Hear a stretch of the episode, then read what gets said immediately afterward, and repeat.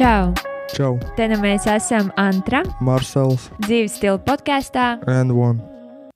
Sveiks, un mani klausītāji, tu esi pieslēdzies, un mēs esam gatavi ar jums kopā šodien Antra podkāstā and One. Kā jums klājas? Jāsaka, man personīgi šī nedēļa ir paskrējusi ātri, notikumiem bagāti, daudz saspringtas lietas, daudz jaunas lietas. Jā, par to mēs noteikti parunāsim kādu citu reizi, bet šoreiz vēlos bez prologa, kā es to šeit devēju. Bez prologa vēlos jūs iepazīstināt ar šīs dienas viesņu. Pie mums šodien viesojas Liepainiece, basketboliste, kā arī 3x3 Latvijas izlases basketboliste, bērnu un sieviešu nometņu rīkotāja, fitnes trenere, mamma, sieva. Kristīna Petermane. Man bija tas prieks un gods satikties un parunāties ar Kristīnu. Tiešām ļoti atvērta, aktīva sieviete. Tev kā jaunai sportistei, sportistām, basketbolistei, basketbolistām būs ļoti interesanti paklausīties, jo Kristīna stāsta par pieredzi, par lietām un um, sasniegumiem. Ir tik daudz viņai tie tituli, bet viņa tomēr ir dienas beigās cilvēks, kurš uh, vienkārši dara lietas, kas patīk, vēlas būt aktīva, palīdzēt arī citiem. Jā, normāls cilvēks pie zemes, ja tā var teikt. Ir jauki, kad ir iespēja parunāties un iepazīt šādus cilvēkus, lai iespējams tevi motivētu, tavu tuvinieku vai vienkārši tāpat parunāties. Jā, lecam iekšā sarunā, aiziet! Sveicināta podkāstā N1! Sveiki, priecājos šeit būt saulainā dieniņā kopā ar jums. Lieliski. N1 klausītāji, mēs esam tādā eksotiskā vietā, laukā, parkā, netālu no, no jūras. Jā, tad uh, jauka sajūta. Jā, un sports ir, protams, tepat tās blakus, eh, kā jau liepājā. Mums tas sports ir visur apkārt. Tā tas ir svarīgs. Tad, nu jā, tad sāksim varbūt par to. Tev ir azotē ļoti daudz titulu, panākumi, sasniegumu un daudz, daudz pieredzes, bet uh, vienmēr interesanti ir atskatīties uz to sākumu, no kurienes tas viss sākās. Un vai tu vari mūs nedaudz aizvest atpakaļ, kur tu esi uzaugusi un kā tā vidi izskatījās? Tik interesanti, ka tā no malas pasaka tik daudz titulu, tad es uzreiz iedomājos tās superzvaigznes televīzijā, un es galīgi sev par tādu neuzskatu. Bet, protams, kaut, kā, kaut kas ir sakrājies, kaut kas ir izcīnīts un um, paveikts.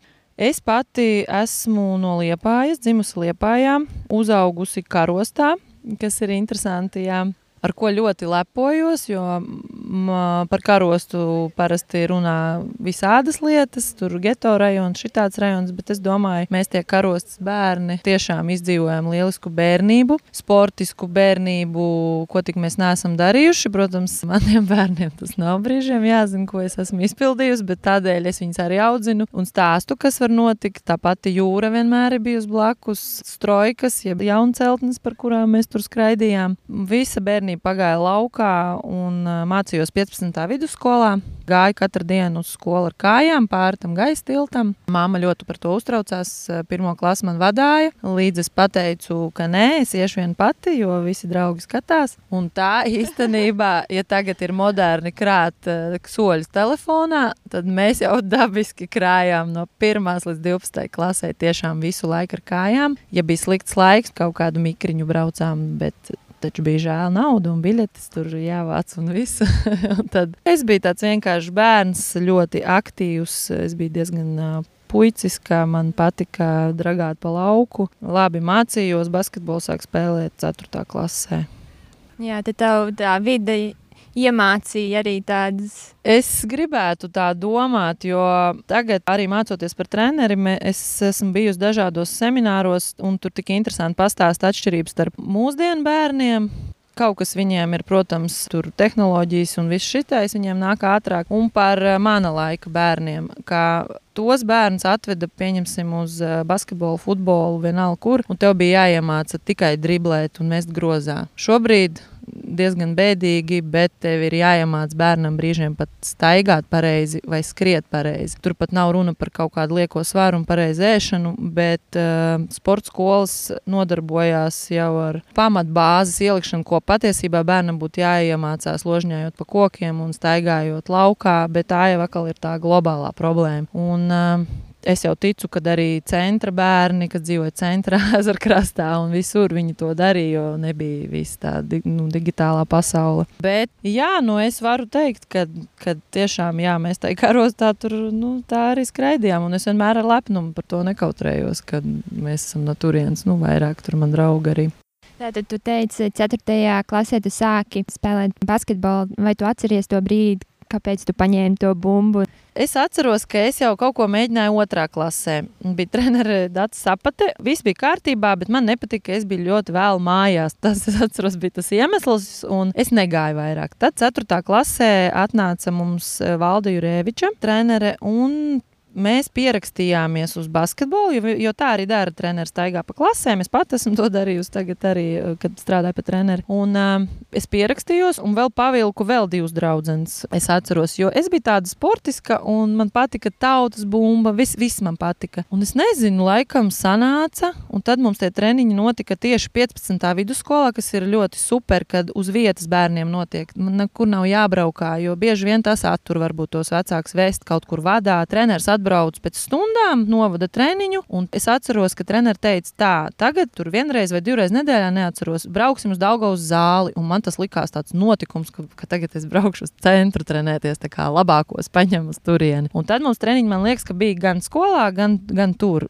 Bet kas man patika? Man liekas, ka man patika, ka man sanāca. Un gan jau, ka, ka man paslavēja, man sanāca, jo es neesmu tāds kā es vēroju, citi tāds pilnīgi basketbolā iekšā, nu, visu, zinu visus spēlētājus. Es tiešām nezinu daudz, ne tur NBA spēlētājus, ne Women NBA. Es zinu kaut kādus populārākos, varbūt no sociāliem tīkliem, bet es neesmu. Man vienkārši ļoti patīk tas sports, un ja man sanāk.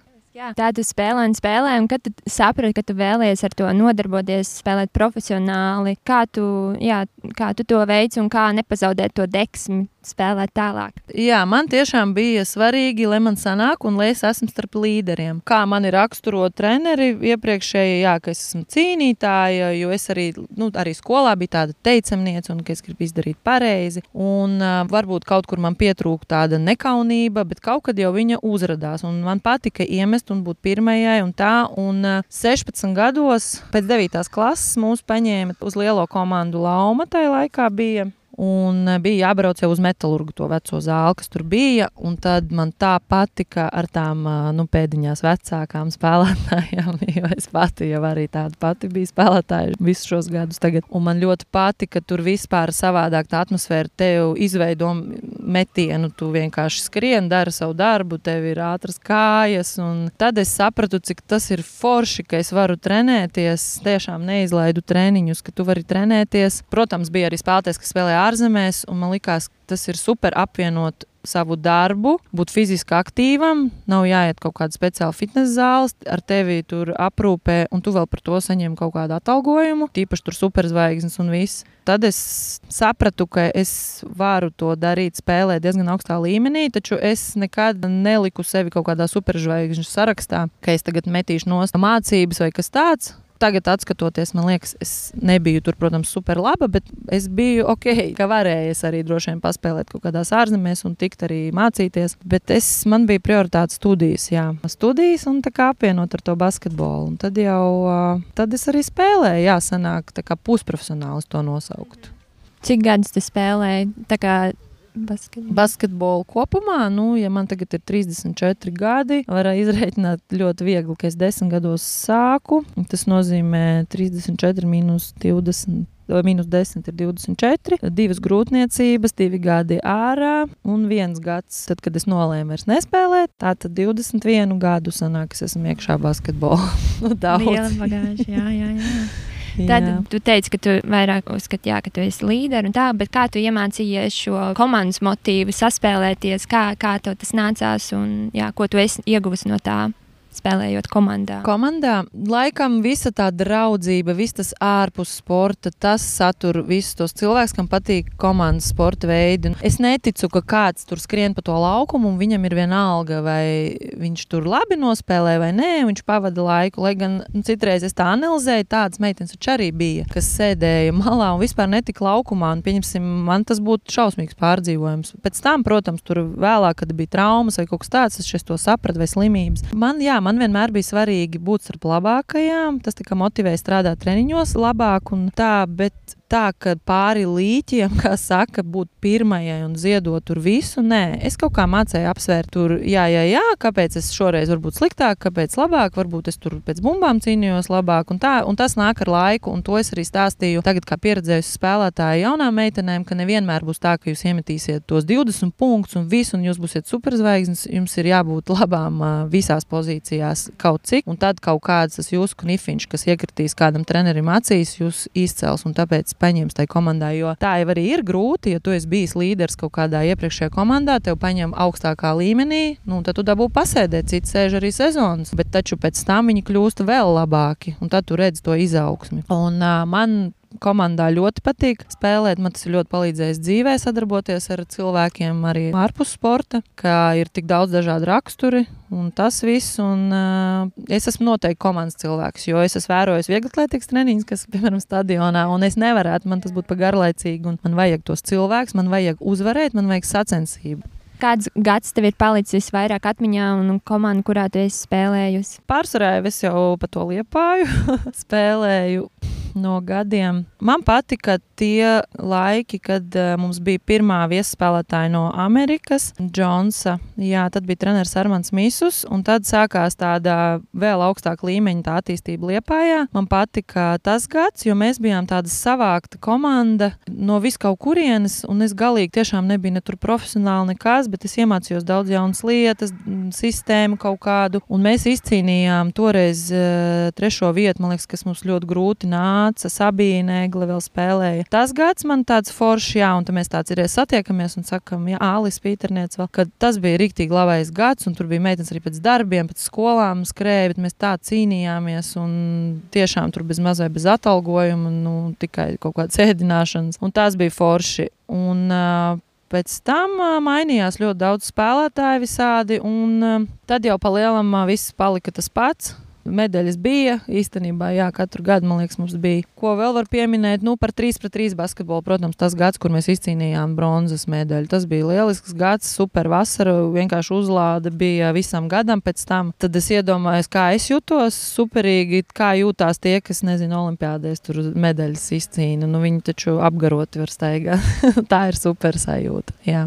Vai tu vari vairāk pastāstīt par to 3x3 sieviešu izlasi? Kā, kā tas bija, kā tas process, cik ilgi tur? Jā, es sanāk spēlēju jau ceturto sezonu. Es tā vienreiz mēģināju saskaitīt. Jā, man šķiet, ka jā, vienkārši tas Covid visu izjauca to skaitīšanas sistēmu. Viens gads tika izkrits. Bija tā, ka mūs eh, to izlasi veidoja no spēlētājām, kuras ir tādas varbūt asākas, fiziskākas un, un tā. Es jā, sanāk ceturto gadu, lai gan pirms tam tur mainījās meitenes, bet plus mīnus līdzīgas. Tas spēlētājs. Un tad, kad eh, mani paņēma, man sanāk, bija jau 29 vai 30 gadi. Un tas bija tā forši uzvilkt Latvijas izlases kreklu tādā vecumā, kad pirms tam es tiešām nevienā izlasē neesmu bijusi tikai eh, kandidātos, jauniešu izlasēs varbūt. Un es jutos ļoti lepna un labi. Un tad mēs pirmos divus gadus mums nepaveicās. Visu laiku nepietika kaut kādi daži punktiņi, jo uzvaras bija stiprās grupās, jo tur baigi nosaka visu tas reitings pasaules, un visai Latvijai ir jāspēlē visi geto basketi, visi, jo patiesībā mums ir ļoti spēcīgi basketbolisti. Tas, ko rāda tie rezultāti, un, um, nu, tas bieži vien neatspoguļo to valsts līmeni. Nu, reku, mūsu puiši pierādīja, ka uz Olimpiju atbrauc. Un tad tas viens gads tā salikās, ka spēlējām es, uh, Lienas Taladzāni, Ievkūlīt un Baibeglīt. Tas bija laikam tas lieliskais četrnieks. Viņas abas no TTT, Liena no Kanādas, es no Liepājas. Mēs ar Lienu pirms tam jau bijām spēlējuši. Kaut kā jutām vienu otru, katra savu pozīciju, un nu, caur radats acis tur izlīdām no grupas, un tad pierādījām, ka mēs esam medaļu cienīgas Eiropā. Es domāju, ļoti daudz neticēja pašas uh, gan jau iekšā ticējām. Nu, es, es vienmēr, es nezinu, es ticu vienmēr, ka var uzvarēt jebvienu, jo tie ir tādi paši cilvēki ar divām kājām, divām rokām. Es vienmēr tā saku, un toreiz tā arī bija. Dar, izdarījām lielu darbu, un pēc tam uh, nu, pavērās tādas foršas iespējas tikt Olimpiskā vienībā, kas mūs atbalstīja.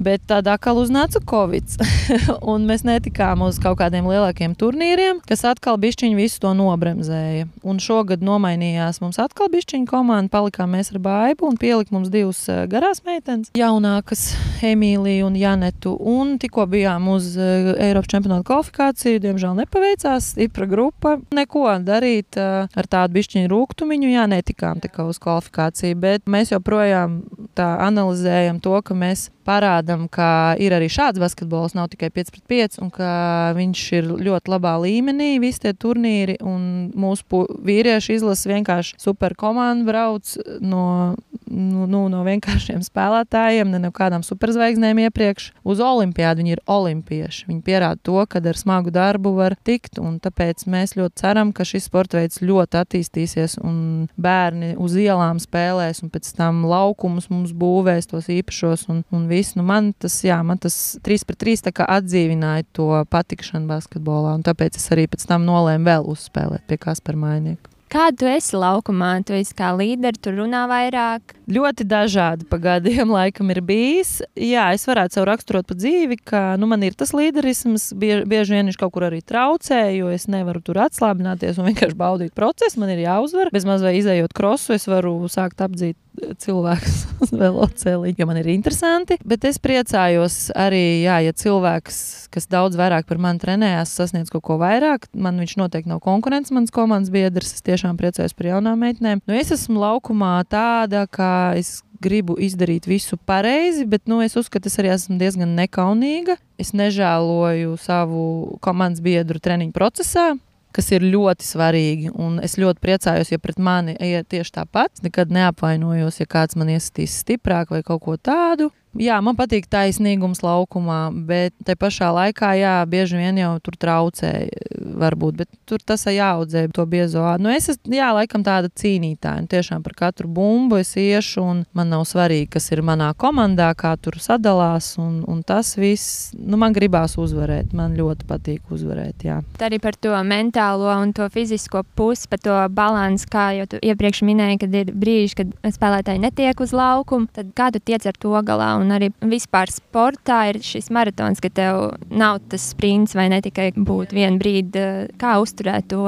Tieši par tikšanu laukumā man laikam par to nekad nav bijis jāsatraucās. Pat pēc dzemdībām tur pāris mēnešu paiet, es gājis uz treniņiem. Tāpat es gāju negluži starta piecniekā, bet beigās plēfos arī gāju starta piecniekā, ko es tagad atceros un domāju ārprāt, ka taču bija jaunāks meitenes, bet tas nozīmē, nu, ka kaut kas manī tur bija tāds, ka ņēma. Par to man nebija jāstraucas. Es ļoti reti man ir bijis bijis kaut kādas spēles, kur man jāsēž uz soliņa. Nu, varbūt RSU es esmu uzspēlējis vienu sezonu, jo mēs bijām ļoti daudz uh, līderis, un tad tur treneris mūs tur tā miksēja. Tas bija tā interesanti, jā, ka es ļoti maz minūtes spēlēju brīžiem. Bet ar psiholoģisko man ir jā, vienmēr bijis ļoti jātiek galā. Un man traucē tas, ka es esmu pa dzīvi tas teicamnieks, kā es saucu arī šādus spēlētājus. Tie ir tādi izcilnieki, teicamnieki, un mums ir bail kļūdīties. Un tas nu, nenormāli traucē. Tas nenormāli traucē uzņemties, pieņemsim, atbildību ja man būtu jāpagriež kaut kas atpakaļ, es noteikti sev pateiktu to, ka tu drīkstēji pateikt, es iemetīšu pēdējo metienu, tu drīkstēji pateikt, es nosegšu to spēlētāju. Jo bieži vien es ļoti es klusēju, lai man nebūtu jākļūdās, jo ko pēc tam man pateiks. Un, piemēram, no jauniem spēlētājiem un sportistiem vispār es uzskatu, nav jābaidās kļūdīties, jo patiešām kā tu to iemetīsi grozā, ja tu vispār pa viņu nemetīsi. Labāk ir desmit reizes aizmest garām. Un Man liekas, ka Latvijā ir maz speciālistu, kas ar šo strādā. Ar cilvēkiem, jo ļoti daudz ir labi fiziski, atletiski sportisti, kas netiek galā ar savām emocijām un savu to galvu. Un treneriem bieži vien ir jāizvieto to psihologa lomu. Un, vai nu tad ir jāstrādā treniņos tik daudz, ka tu sev vari tiešām pēc tam pateikt, es esmu izdarījis pilnīgi visu un uh, nevarēju vairāk. Un nu, ļoti smagi ir pēc tam arī zaudējums pārdzīvot. Personīgi man ir ļoti smagi, jo man likās, ka pēc bērniem man tā nebūs, ka man būs tā, ka es aiziešu mājās, viss super, bet nu, mani mājas cilvēki, vīrs un bērni, viņi zina, kā man ir, ka labāk tad man neaiztikt. Jā, nu, diemžēl tā ir, bet tas atkal tev dzen uz priekšu, jo tas parāda, ko tu pēc tam darīsi ar to ar sevi. Vai nu tu nosēdīsies un padosies, vai nu tu izdusmosies uz visu pasauli, un tad tu iesi un, nezinu, skriesi papildus krosus, iesi izpildīs metienus, un tā visur pa dzīvi tas tā arī ir. Kā tu spēj tikt galā ar zaudējumiem? Tādā ziņā varbūt es esmu pozitīvs piemērs, ka es vienalga vienmēr pasaku, varbūt sameloju, ka viss ir kārtībā, cīnāmies tālāk, un es arī tiešām cīnos tālāk kā sportistam, tev ir jāstrādā ar sevi, jārunā ar sevi, sevi jāmotivē. Bet vai tev ir arī bijis kāds mentors, kāds dzīves skolotājs? Es jau esmu droši vien, nu, nu, noteikti man jāpiemina mans vīrs, kurš man arī godīgi visu pasakā no malas izskatījās. Un man tas nenormāli brīžiem besīk, ka liekas, nu, priekš kām. Bet es ieklausos, bet nu, viņš noteikti arī pateiktu, ja viņš te tagad būtu blakus, ka viņai jau var teikt, ko grib, viņai jau tāpat tās savs viedoklis ir. Un tā arī ir, droši vien arī tas man ir traucējis. Kas vēl no mentoriem? Nu, parasti ir komandā kāds cilvēks, ar kuru tu parunā pēc kaut kādiem zaudējumiem vai pat uzvarām, aprunā, izrunā to spēli. Un man noteikti tie bija komandas biedri, jo es esmu jā, diezgan draudzīga un es ar visiem vienmēr cenšos pa labam un tad izrunā un ar treneriem. Tāds viens konkrēts, nē, nu tā ģimene, jā, ģimene jau palīdz un citreiz jau arī pilnīgi asars saskrien acīs, ka tur meita pasaka, piemēram, viņa ierauga interviju televīzijā ar kaut kādiem olimpiešiem, un viņi man saka, kāpēc tev neaicina? Un tad liekas, viņš saprot to savu līmeni. Bet tam bērnam liekas, viņš saka, tu esi man mīļākā sportiste. Un, nu, jā, lai arī es tur varu iemest divus punktus, un nezinu, tā tālāk. Un tad jau tas jau motivē, un tad tu saproti, ka tam sportam nav tikai kaut kāds rezultāts, vai nauda, vai slava, ka tas motivē to jauno paudzi, ka viņi redz tevī, jā, nu, tava mamma taču sporto. Kur tagad ir basketbols tavā dzīvē? Šobrīd basketbols ir ļoti interesants. Jā, jo tikko es, kā jau teicu, atbraucu no tā nekvalificējošā Eiropas čempionāta, tad ir pārdomas. Bet to 3 pret 3 tā kā negribās galīgi vēl aizmest, jo tas tiešām vēl sniedz tādu, viņš ir īsāks tieši vasarā Un man pilnīgi kaivs to darīt. Treniņi man patīk, viņi ir um, intensīvāki, savādāki. Es neko nesaku, ka tur lielā basketbolā kaut kas tāds, bet lielam basketbolam šobrīd es esmu pateikusi viss. jo ne jau gluži tie gadi vai ko. Nu, visi jau tur jā, man sauc par muterīti un pieredzējušu spēlētāju, nevis vecu. Fiziski es varbūt to varētu darīt, bet tas paņem baigi daudz laika. Es tā kā esmu pateikusi, jā, klubam nē, bet es negribu tagad pilnīgi nogriezt un lai man tur ceremonijas kaut kādas šausmīgas taisa, jo, nu, nevar zināt, varbūt kaut kas notiks, jā, jo tas nogurums ir tāds jau sakrājies tik liels, ka man brīžiem sāp tās kājas, jo es jau strādāju vēl arī pat treneri un it kā ir visu laiku aktīvs, bet tas basketbols paņem baigo enerģiju. Gan tās domas par spēlēm, gan fizisks, tā iešana uz ģērbtu, ģērbšanās un tas. Un tad, kad jau tas sāk nepatikt, tu ej velcies uz to zāli, tā rupi sakot, tad tas nav jādara. Es uzskatu, ok, tādi brīži, protams, arī jauniem spēlētājiem ir un tie ir jāpārvar. Man ļoti arī patīk skatīties spēles un viss, bet šobrīd, jā, es esmu izdomājis ņemt noteikti pauzi, atpūsties. Bet, nu, nesanāk atpūsties, jo jādomā nometnes tālāk. Jā, tu esi aizņemta ar kaut ko. Tad pastāst par šīm nometnēm. Bērniem ir nometnes un arī sievietēm pastāst par, par šām programmām. Jā, man ir uh, laba draudzene, tāda Krista Siliņa, kura man ievilka šajā avantūrā pirms trīs gadiem. Šis ir trešais gads nometnēm. Es atceros, viņa teica, jāsatiekās, izrunāsim vienu projektiņu. Taisam nometnes bērniem. Un, uh, man likās ārprāts, ārprāts, kā vispār to var uzorganizēt, jo man nepatīk papīra darīšanas. Man arī augstskolā mācoties visu studiju darbu, likās drausmīgākais, ko var darīt. Bet tad viņi izstāstīja to ideju. Jauna, nu, jaunām meitenēm tas bija sākotnēji sports plus uh, skaistumkopšana. Tā to negribētu saukt, higiēna personīgā un kaut kādas, protams, skaistuma lietiņas savienojam domājam sportu ar tādu, tā tādu veselīgu dzīvesveidu. Izdomājam, ko mēs tur varētu darīt. Sportot, lakot nagus, matus, eh, tur taisīt meitenītēm, tur parādīt, kā var sev nu, kaut kādas kopšanas un tādas lietas. Un es teicu, ok, nu, ka es būšu par to sportu atbildīgā. Un, eh, jā, un dabūsim arī speciālistus, kas mums atbrauks dažādas treniņus uztaisīt. Man ļoti patika šī ideja, un tā mēs arī trešo gadu to darām. Un mums bija ļoti veiksmīgas šīs nometnes, mums bija viņas piepildītas. Pirmā gadā mums bija, man liekas, divas vai trīs, otrā gadā trīs nometnes. Mēs arī piedalāmies konkursos par līdzfinansējumu no Liepājas domas. Daļēji mēs viņu saņemam. Tu uzskati, ka mums ir ļoti labi rezultāti. Mums tiešām ir pilnas tās nometnes, un vismaz atsauksmes ir labas. Un, un brīžiem tur tās meitenes, kas nekad nav sportojušas, pēkšņi atplaukst sportā, un mēs viņus redzam sporta skolā, vismaz basketbola sporta skolā. Es redzu pēc mūsu nometnēm jaunus bērnus. Un tās, kas tādas puiciskākas varbūt, un tās mammas tur, jā, nu varbūt parādiet viņai tur, nezinu, matus, to mēs nespiežam tiešām, bet mums ir vienkārši nodarbība, kur tu vari izvēlēties nadziņus uh, sakopt, gribi lako, gribi nelako, un patiešām bieži vien tās puiciskākās meitenes, kādas arī pat bija bērnībā, viņām tā patīk tās meitenīšu lietas, un tai bariņā viņas iesaistās un redz, ka tā arī var darīt, bet mēs noteikti neuzspiežam kaut kādu princesīgumu vai sievišķīgu tādu un šitādu, jo šobrīd jau modē tur feminisms un viss. Arī to mēs neuzspiežam. Mēs vienkārši parādām, ka cilvēks var būt harmonijā sportojot, un viņš var būt arī jā, sakopts. Un tāpēc tas nosaukums ir um, aktīva vienādības zīme, ir skaista, ka tas skaistais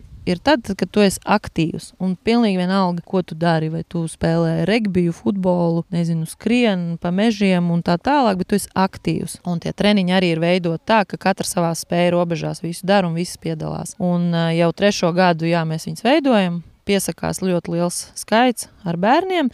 Un šogad ir jaunums arī sievietēm. Un sievietēm mums ideja radās tā, ka tās mammas veda bērnus un arī tēti un teica, kad tad mums būs tā nometne. Un, jā, tēti labprāt dāvina sievām šādas iespējas. Un uztaisījām trīs dienu nometni, tūlīt viņa sāksies arī sievietēm viesu mājā, kur līdzīgs koncepts ir sports.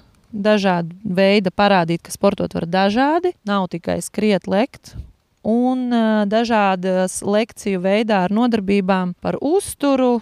Tas, kas sievietes parasti interesē, ir uzturs, arī kosmetologs, masieris un par pirtīm tur būs tāda veida. Un arī mums ir liela atsaucība. Kā var pieteikties, kur var pieteikties, piemēram, uz bērnu nometni, no cik gadiem, un pēc tam arī sieviešu nometnē?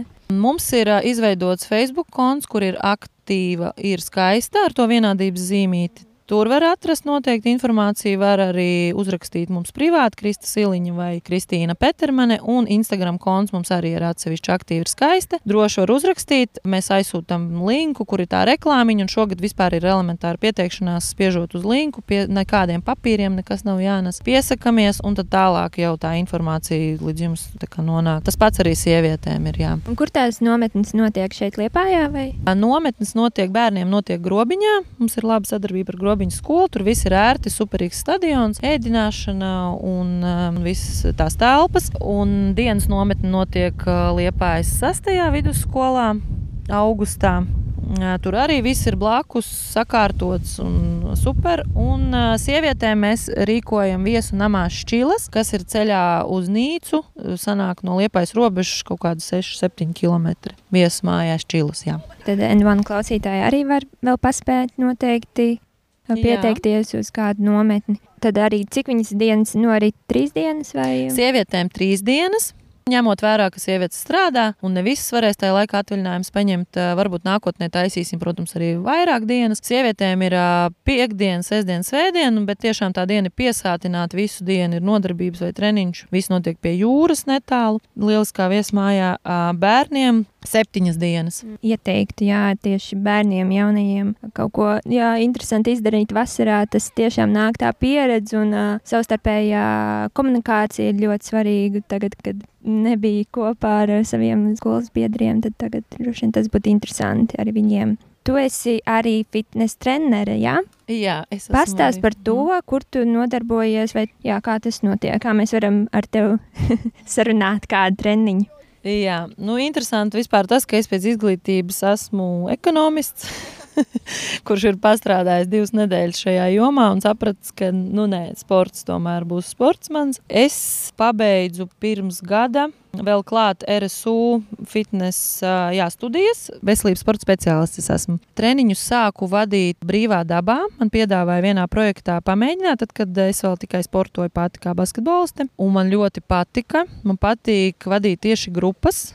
Tas man tādu pilnīgi uzlādēja to enerģiju. Un tad es uh, sāku strādāt arī Ballistic Boxing Club. Uh, vadīju treniņus jaunām māmiņām, jo es arī projekta ietvaros to darīju laukā ar ratiem, kur viņas atnāca un vingroja. Un šī ideja man radās tāpēc, ka man pašai divi bērni un suns, un ar tiem diviem bērniem un suni es spēju atrast laiku mežā, pludmalē, vienalga, kur vēl pavingrot. Un tad man likās, nu kāpēc tad mammas nevarētu ar ratiņiem atnākt un vingrot. Un tās man ir noteikti vismīļākās grupas. Es viņām to arī saku un lieku viņas kā piemēru. Vadu arī grūtniecēm. Jā, tur tādi mierīgāki tie treniņi un grupu nodarbības. Tātad par māmiņām, jā, es gribēju, kāpēc viņas man ir mīļākā grupa. Jo tiem, kam šķiet, ka ir grūti, nu, un treniņš, un taču nav laika. Un šis te, nu, tad es tiem cilvēkiem ieteiktu atnākt paskatīties kā vingroja jaunās māmiņas, pieņemsim, grupā desmit mammas. Nezinu, kādai paveicās tajā dienā,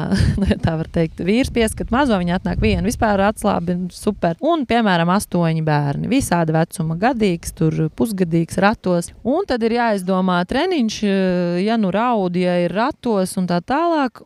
Un ka tās mammas sākumā uzraksta, kā tas notiek, un domā, ka viņi grotie bērni, bet tā nebūtu nav. Un uh, treniņš ir izdomāts tā, ka tas bērns tikai atrodas blakus, un vingrinājuma kompleksi arī ir tādi, ka nekur projām šausmīgi nav jāskrien. Protams, es skatos, ja tur guļ ratos, tad arī kaut ko paskrien. Un ar kādu atdevi jā, cilvēkiem, kā, kā viņas strādā, jo viņas ir atnākuši to stundu un patiešām viņas dara un kādus mēs rezultātus pēc tam redzam. Es, es sanāk strādāju ar māmiņām, man liekas, jau četrus gadus, un mēs tiekam galā. Mēs tiešām, tiešām paņemam, es varu paņemt rokās to bērniņu, kāda cita māmiņa tur palīdz ātri, ātri. Mēs mainām vingrinājumus, un mēs izdarām pilnīgi kvalitatīvu noteikti treniņu tādu pašu kā fitness, nezinu, stiprās grupās. Jo ļoti bieži es ielieku līdzīgu, pieņemsim, programmu no rīta māmiņām un vakarā vakara grupai. Es jau nesaku, ka tur kāds vājāks nāk, bet es novēroju, ka reizēm tās mammas dara ar lielāku atdevi. Un tāpēc tiem, kas saka, nav laika vai meklē simts iemeslus, ka nevar sportot, lūdzu, var atnākt paskatīties, kā vingro māmiņas. Es zinu, ka es to nedaru vienīgā.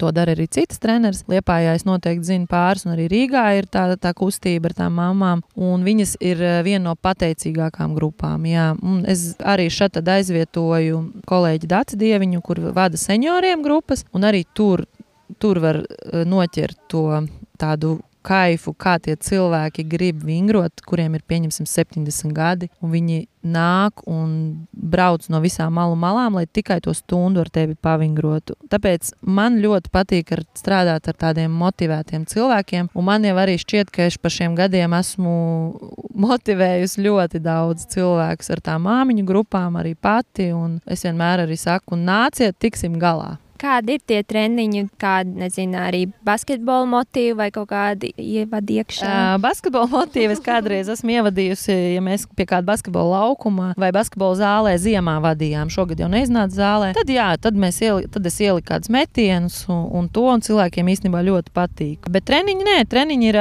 viņi sauc par vidējas līdz augstas intensitātes uh, funkcionālu treniņu, kur mēs veicam elementāras ķermeņa kustības, nu, tad apvieno ar hantelēm, gumijām, visu kaut ko un man tā metode, man šķiet, kāpēc ir efektīva, gan jau arī daudz tā dara, ka es miksēju, pieņemsim, kāju vingrinājumus, mazā pauze, augšdaļas vingrinājums, rokas vai prese, un tikmēr kājas atpūšās, tik, tad tu dari tā, tu, to augšdaļu. Un tāpēc stundas laikā var izdarīt ļoti daudz. Nevis tur ar lielām pauzēm, kaut ko tur staigāt. Tāpēc ir rezultāti. Jā, man, nu, vismaz tā manām meitenēm. Nu, starp citu, arī vīrieši pie maniem trenējās. Parasti jau smie, smējās. Kādreiz man vīri draugi teica, ka nenāks uz to sieviešu fitnesu, un tad viņi atnāk. tad nemaz nav tik viegli, nē, nemaz netiek līdzi. Nē, ne? nē, jo jātiek galā ar savu svaru, ir tieši tā, un dziļo muskultūru. Tāpēc tur ir jāstrādā ar savu prātu un, un sevi jāmotivē. Un, un jādara vairāk nekā tu spēj izdarīt.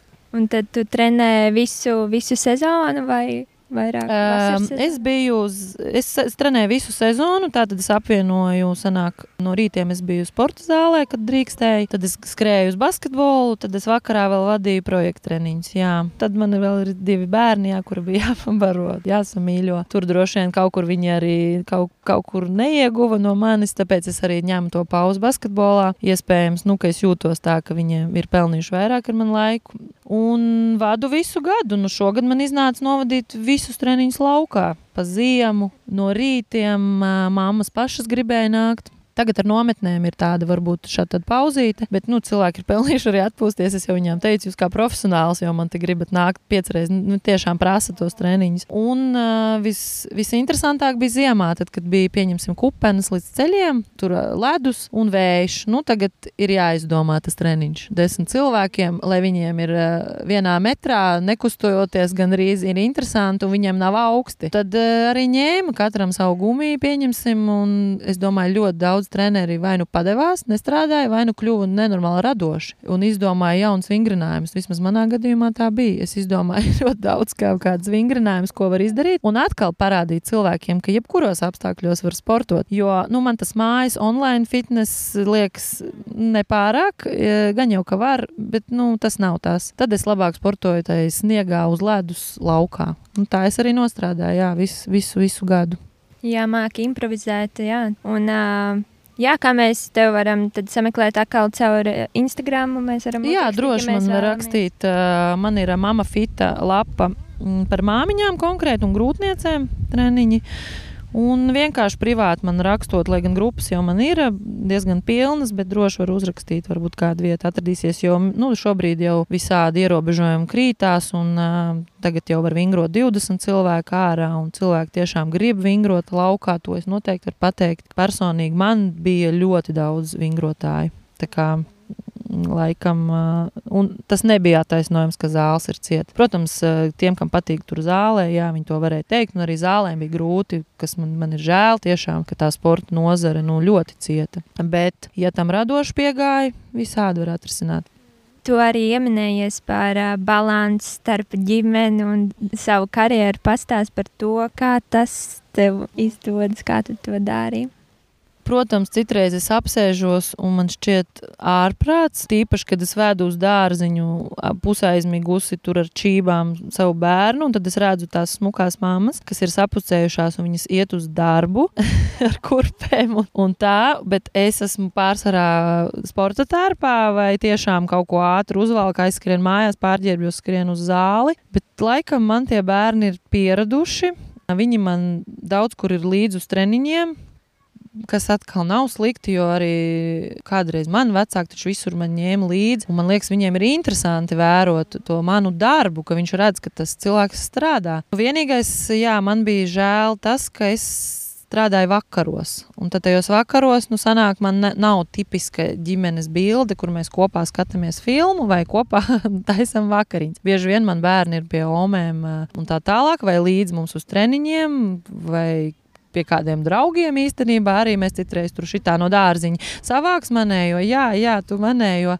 Es ļoti ceru, ka man bērni jā, man pēc tam nepārmetīs šo te. Jo viens gads jau man tāds bija, kad es nespēlēju basketbolu. Man tie vakari bija brīvi, bet godīgi es neteikšu, ka es viņus pavadīju. Es, man liekas, biju pati nelaimīga, jo es biju pieradusi tos vakarus, un tie bērni arī bija gan jau nelaimīgi, ka es tur visu laiku pukstēju mājās, ka šitas un jāvāc mājas, un tagad šitā, nu tā, tā izdomātā ilūzija. Un, uh, Ko jau arī sliktu mēs viņiem nenodaram, ņemot līdzi. Bet es, jā, es esmu sev kaut kā nospraudusi nākamā gada mērķi, ka es, es vairāk pavadīšu laiku ar meitām tikai viņām. Nevis, ka es skrienu uz treniņu, vēl zvanu telefons, un viņas tur kaut kur dzīvo man blakus. Tur varbūt ir atņēmis, bet te pašā laikā man ir uh, reizēm brīvs dienas vidus, un mēs mierīgi viņus paņemam ārā no skolas un dārziņa, un mēs aizējām uz jūru. Tā kā nav tik traki. Protams, es tur, man ir šīs pārdomas, tur sliktā mamma, varētu šitā, šitā, jo es vienkārši salīdzinu sevi ar citiem. Bet varbūt kāds cits salīdzina man, arī mani, nu, ka viņa tur skrien un tie bērni līdzi un ar riteņiem. Mēs taču vienmēr izdomājam, ah, brauksim ar riteņiem, būs ātrāk, mēs vēl pat pasportosim. Nu, tā, nu, es, es gan jau iemācu viņiem to savu dzīvesveidu tas, ka es jau esmu aktīva un ņemu viņus līdzi, nevis kaut kur meklēju, kur viņas atkal nogrūst, varbūt tas arī viņām ir ieguvums manām meitām. Nu, viņas arī ir ļoti aktīvas, tādas pats kā es. Lieliski, jā, vai tu vadīsi viņas arī sportā, basketbolā? Nav jau vairs jāvada, jo viņas jau iet. Lielā meita gāju vieglatlētikā, kā es arī gribēju. Nu, ar savām zināšanām es nolēmu tā, ka viņa ies vieglatlētikā, iemācīsies tiešām pareizi skriet, lekt visu to. Tad viņai kaut kas tur apnika, neatceros. Viņas pierakstījās pati atkal basketbolā, un tik interesanti, ka pie paš, tās pašas treneris, pie Valdis Jurēvičus, bet tad viņa devās pensijā, nomainījās treneri, bet viss ir kārtībā. Viņa tikai turpina iet basketbolā. Un paralēli es viņu vedu uz sporta vingrošanu. Un jā, varu pateikt, kāpēc viņai patika mētāt tos ritentiņus un špagatus. Es vedu divu iemeslu pēc, un arī iesaku citiem, jo superdisciplīna Trenere zina, ka mēs esam basketbolā, bet uh, tas nav primāri. Viņa aizgāja man astoņos gados. Viņai ir, būs stingrs ķermenis, taisna mugura, jo basketbolā nav noslēpums. Nu, bieži vien tie bērni tādi uz priekšu. Un uh, tas, ka viņai pamainās tā vide, ka nav tikai zāle, Un uh, ir arī tur publika cita, tur un uh, mazo meitu es arī pa, pavilku līdzi tur māsai tā pa, pa, pa durvīm.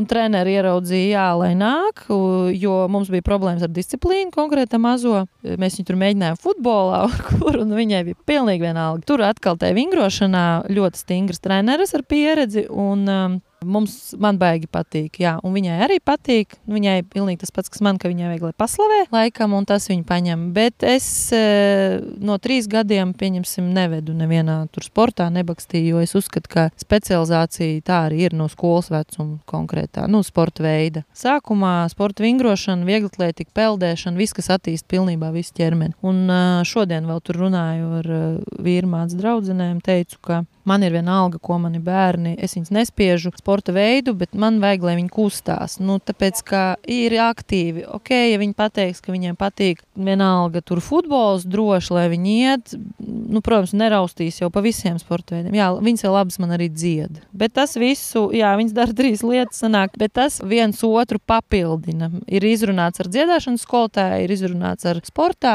ka būs tā un tā, un ka es neaudzinu kaut kādus superzvaigznes profesionāļus, es to negaidu negaidu no viņiem. Man svarīgi, lai viņas ir veselas un kustīgas. Tu dari daudz, daudz lietas. Ko tu vēl dari? Kāda, kas tev, piemēram, patīk darīt vēl bez, bez šīs? Jā, šis vēl vērtāts. Kaut kad man ar šo jautājumu uzdeva, kas ir tavs hobijs? Un man liekas, ārprāts tiešām man nav tāds. Nu, man viss laikam saistās ar to dar darbiem un kaut kādām. Bet tad es jā, tā pasēžu un padomāju, nu, kas man patīk man patīk jūra. Man laikam tas man ir tā mana stihija. Es dievinu vienkārši iet sauļoties. Es varu visu dienu pavadīt jūrā, bet nevis gulēt, bet atkal tur būt kaut ko spēlēt. Man patīk uh, spēlēt volejbolu, arī beidžu tenisā man tur draugi ievilka.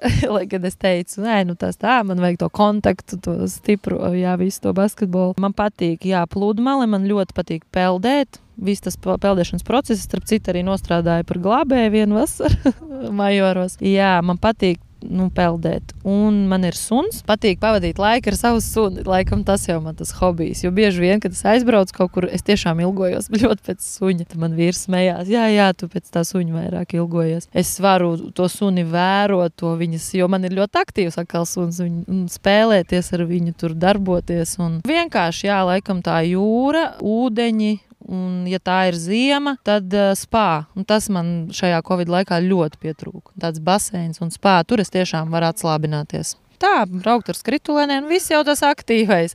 Bet, nu, protams, man patīk arī ballītes. Un, uh, es gaidu, tagad, kad man patīk ballītes, draugi un tusiņi. Un, uh, varbūt tādas kaut kādas vienkāršas sēdēšanas, tas laikam nav mans nu, tāds tur jāaiziet. Nu, man, man vajag to aktivitāti kaut kādu. Braukt un ceļot es ļoti gribu. Un, un tāpēc arī to basketbolu tagad ziedošu. Es ļoti ceru tikt beidzot ceļojumā kaut kādā oktobrī vai februārī, kad nekad mūžā es to neesmu darījusi, jo vienmēr bija sezona. Es domāju, ka mēs esam izgājuši cauri lielajiem jautājumiem un uh, tēmām. Cauri esam nonākuši pie nenopietnās daļas nedaudz, sauksim to tā. Vai tu esi gatava tajā piedalīties?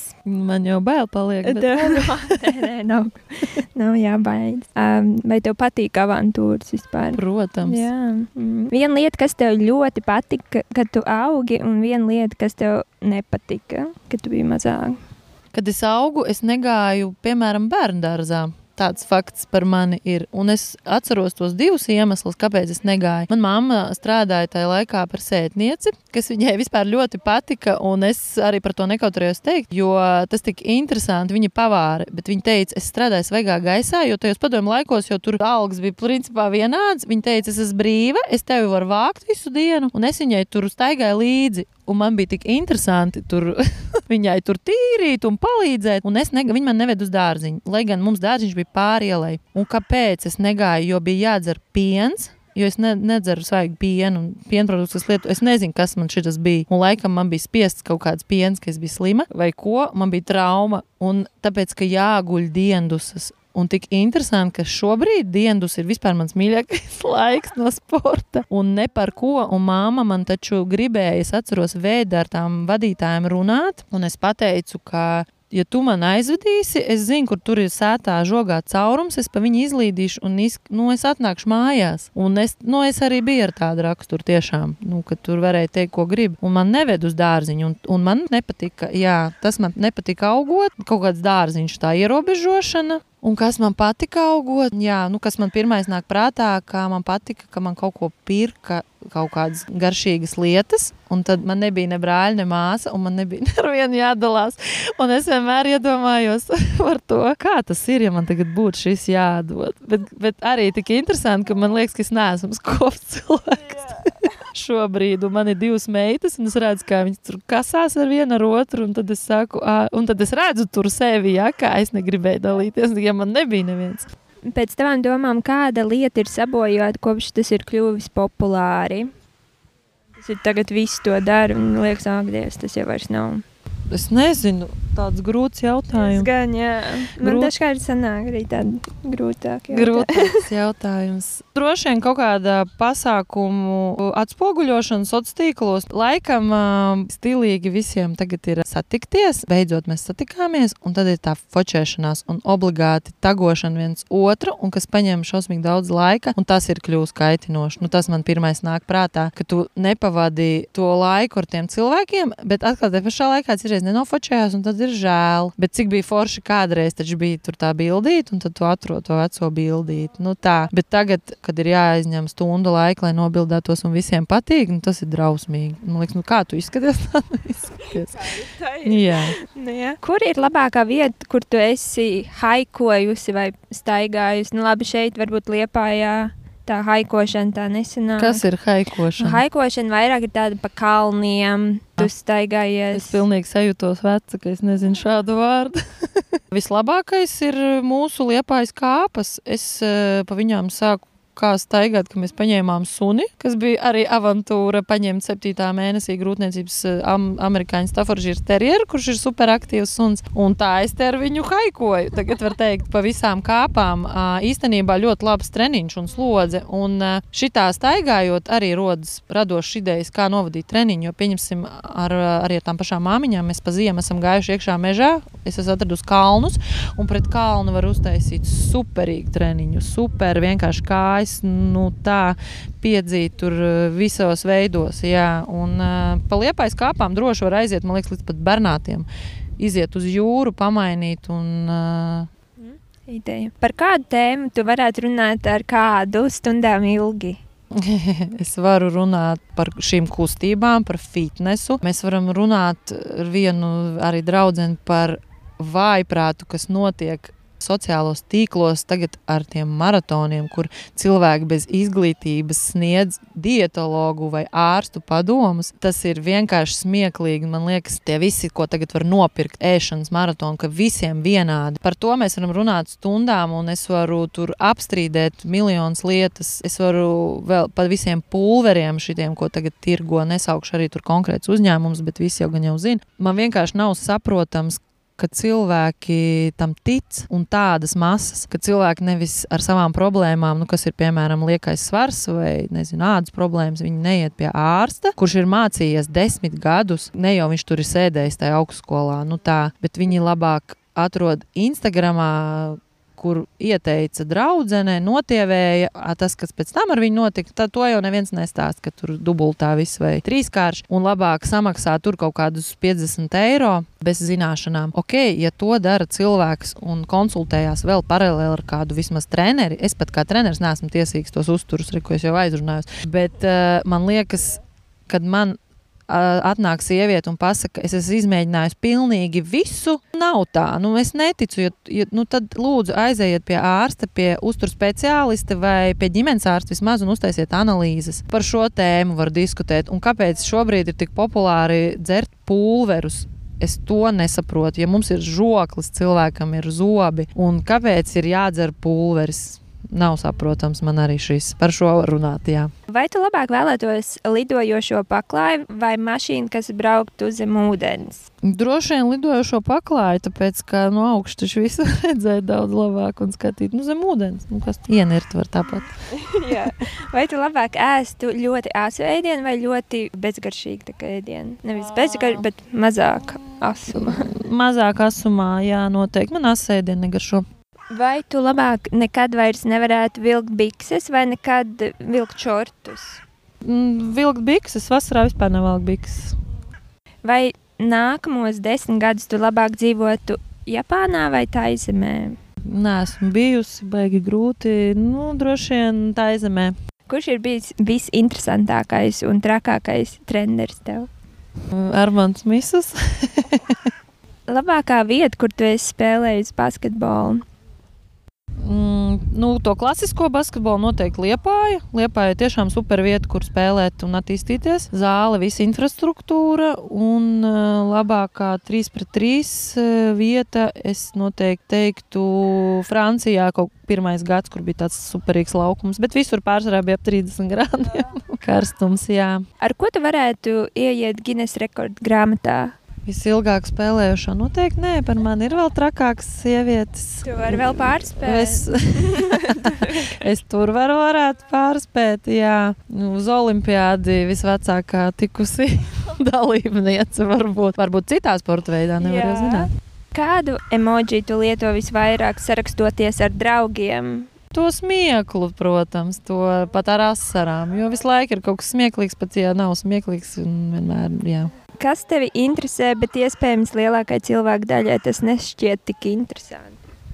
Man ir Man, zini, kas man interesē, un par to arī brīžiem var runāt. Kā pa vadiem var iet elektrība, kā var es pazvanīt uz Ameriku un pa gaisu runāt, un kā vispār var lidot lidmašīna, dzelzs gabals, kā vispār to varēja izgudrot. Un brīžiem sāk runāt, un tu nesaproti, man liekas, ir pilnīgs kosmos. Nu, kā es to nevarēju izdomāt? Kā to citi varēja? Viens bija pirms tevīm. Jā. Jā. Kādu visdīvaināko lietu tu esi jebkad nopirkusi? Es neatceros, bet noteikti kaut, kaut par kaut ko ir smējies mans vīrs, ka parasti es, nu, bet, bet es zini, es esmu diezgan tāda apdomīga šajos jautājumos. Man, man nav tādu lietu. Nu, drēbes jau kaut kādas tur kā jau sievietēm.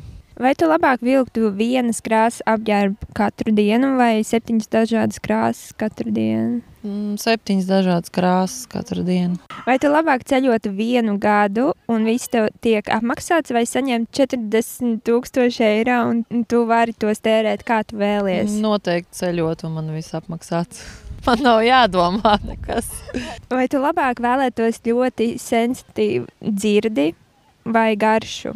Garša, man liekas, man ir ļoti sensitīva, jo man viss garšo un patīk ēst. Nu, tad jau dzirdi.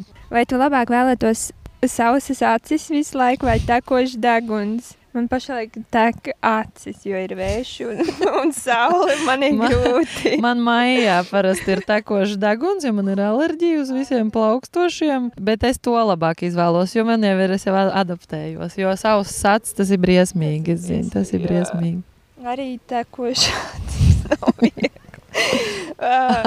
sveikiņi. Uh, tā tad labākā vieta, kur tu esi aizceļojusi. Godīgi, es baigi neesmu bijusi tādā superceļojumā, atpūtas. Vienmēr jau ir bijis ar sportu kaut kas. Man ļoti patika, jā, Francija turnīru ja ziņā, un ar ģimeni mēs bijām Turcijā pirmo reizi, cik divus gadus atpakaļ atkal sajūgtas laiks. Uh, nu, tur bija ļoti forši Bet es zinu, ka tas nav mans labākais ceļojums, ka viss būs priekšā. Jo es uzskatu, ka gribās pilnīgi nost, tad ir jāņem tie all inclusive un tur jāsēž. Bet tā kā kastē bez mazliet to esi. Un, ja tas ir ar bērniem, tad nevar nekur aizbraukt. no vāra, bet ar maniem nevar. Un uh, es gribētu arī tādu, tādu ceļojumu izbaudīt, kur es braucu un palieku pie īstajiem tiem iedzīvotājiem, lai viņi man parāda tās valsts specifiku. Jo es tādu Turciju, Turciju neredzēju. Nu, ko es tur redzēju? Viesnīcu un tirgu. Padzīvot un mm -hmm. saprast no vietējiem. Jā. Uh, labākā lieta no 90. mūzika, droši vien Spice Girls un visi šitie. Un popielas, kā man patika popielas. Jā, tā bija labākā lieta. Tagad kaut kas līdzīgs ir, bet man šķiet skolās vairs nav. Pa televizoru tagad pieaugušie dejo popielas. man ļoti patika, jā. Ledus kafija vai silta kafija? Silta kafija. Jūra vai kalni? Jūra. TV seriāls vai filmas? Mm, TV seriāls. 3x3 basketbols vai lielais mm. basketbols? nu, 3 pret 3, protams. NBA basketbols vai Eiropas basketbols? Nē, neviens ne otrs šausmīgi nesakoja. Droši vien NBA tad es teikšu. Kas tavuprāt ir dzīves stils? Dzīves stils ir tā, kā tu dzīvo, tas, kā tu to savu dzīvi izpildi un ko tu no tā gūsti. Vai tu dzīvo tā kā tu vispār vēlies dzīvot. Un, ja tu tā nevēlies dzīvot, tad tev ir kaut kas jāmaina. Un, ja tu neko nemaini, tad samierinies, un tas ir tavs dzīves stils. Lieliski, jā. Varbūt tev ir kāds novēlējums vai ieteikums jaunajiem, jaunajām basketbolistēm, vai kas vēlas nodarboties ar sportu. Kā, kāds būtu tavs novēlējums? Jā, mans novēlējums ir nekad nepadoties un uh, neklausīt dusmīgos trenerus tādā ziņā, neņemt to slikto, ko viņi saka. Tā kā neticēt tam līdz galam. Paņem to un mēģināt nu, to izspiest maksimumu, trenēties tajā jomā. Ja viņš tev saka, tu tur slikti šī, tā, tā, tā, tā, tā. Un atkal to pozitīvo ar uzviju paņemt. Ja tev pasaka, ka tu biji super, tu ļoti labi, tad to arī paņemt ar uzviju, bet atkal ne ar iedomīgumu kaut kādu un tur mētāt, jo vienmēr ir jāatcerās, kāds būs labāks par tevi, un te pašā laikā kāds būs sliktāks par tevi. Un uh, ieteikums pievērst uzmanību tai uh, fiziskai un savai vispār veselībai, un uh, visas tehniskās lietas tās tikai vienkārši iet un atstrādāt. Nu, tā.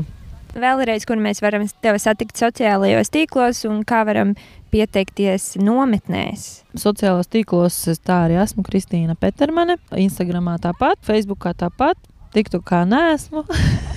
Krista ir TikTokā, tur var paskatīties. Un, um, tātad par nometni e, ir aktīva, ir skaista.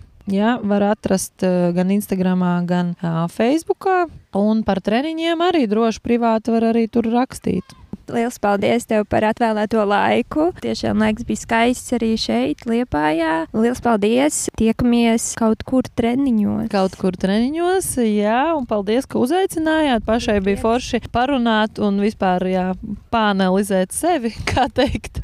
Tiešām atskatīties uz savu dzīvi, un ja liekas, ka nekas te šai nav tur izdevies, varbūt kāds tur tāds un tāds, bet, bet īstenībā... īstenībā ir daudz kas sastrādāts un daudz kas labs. Un daudz kas vēl priekšā. Un daudz kas vēl priekšā. Un, jā, kā jau teicu, nepadoties. Labi, liels paldies! Atā.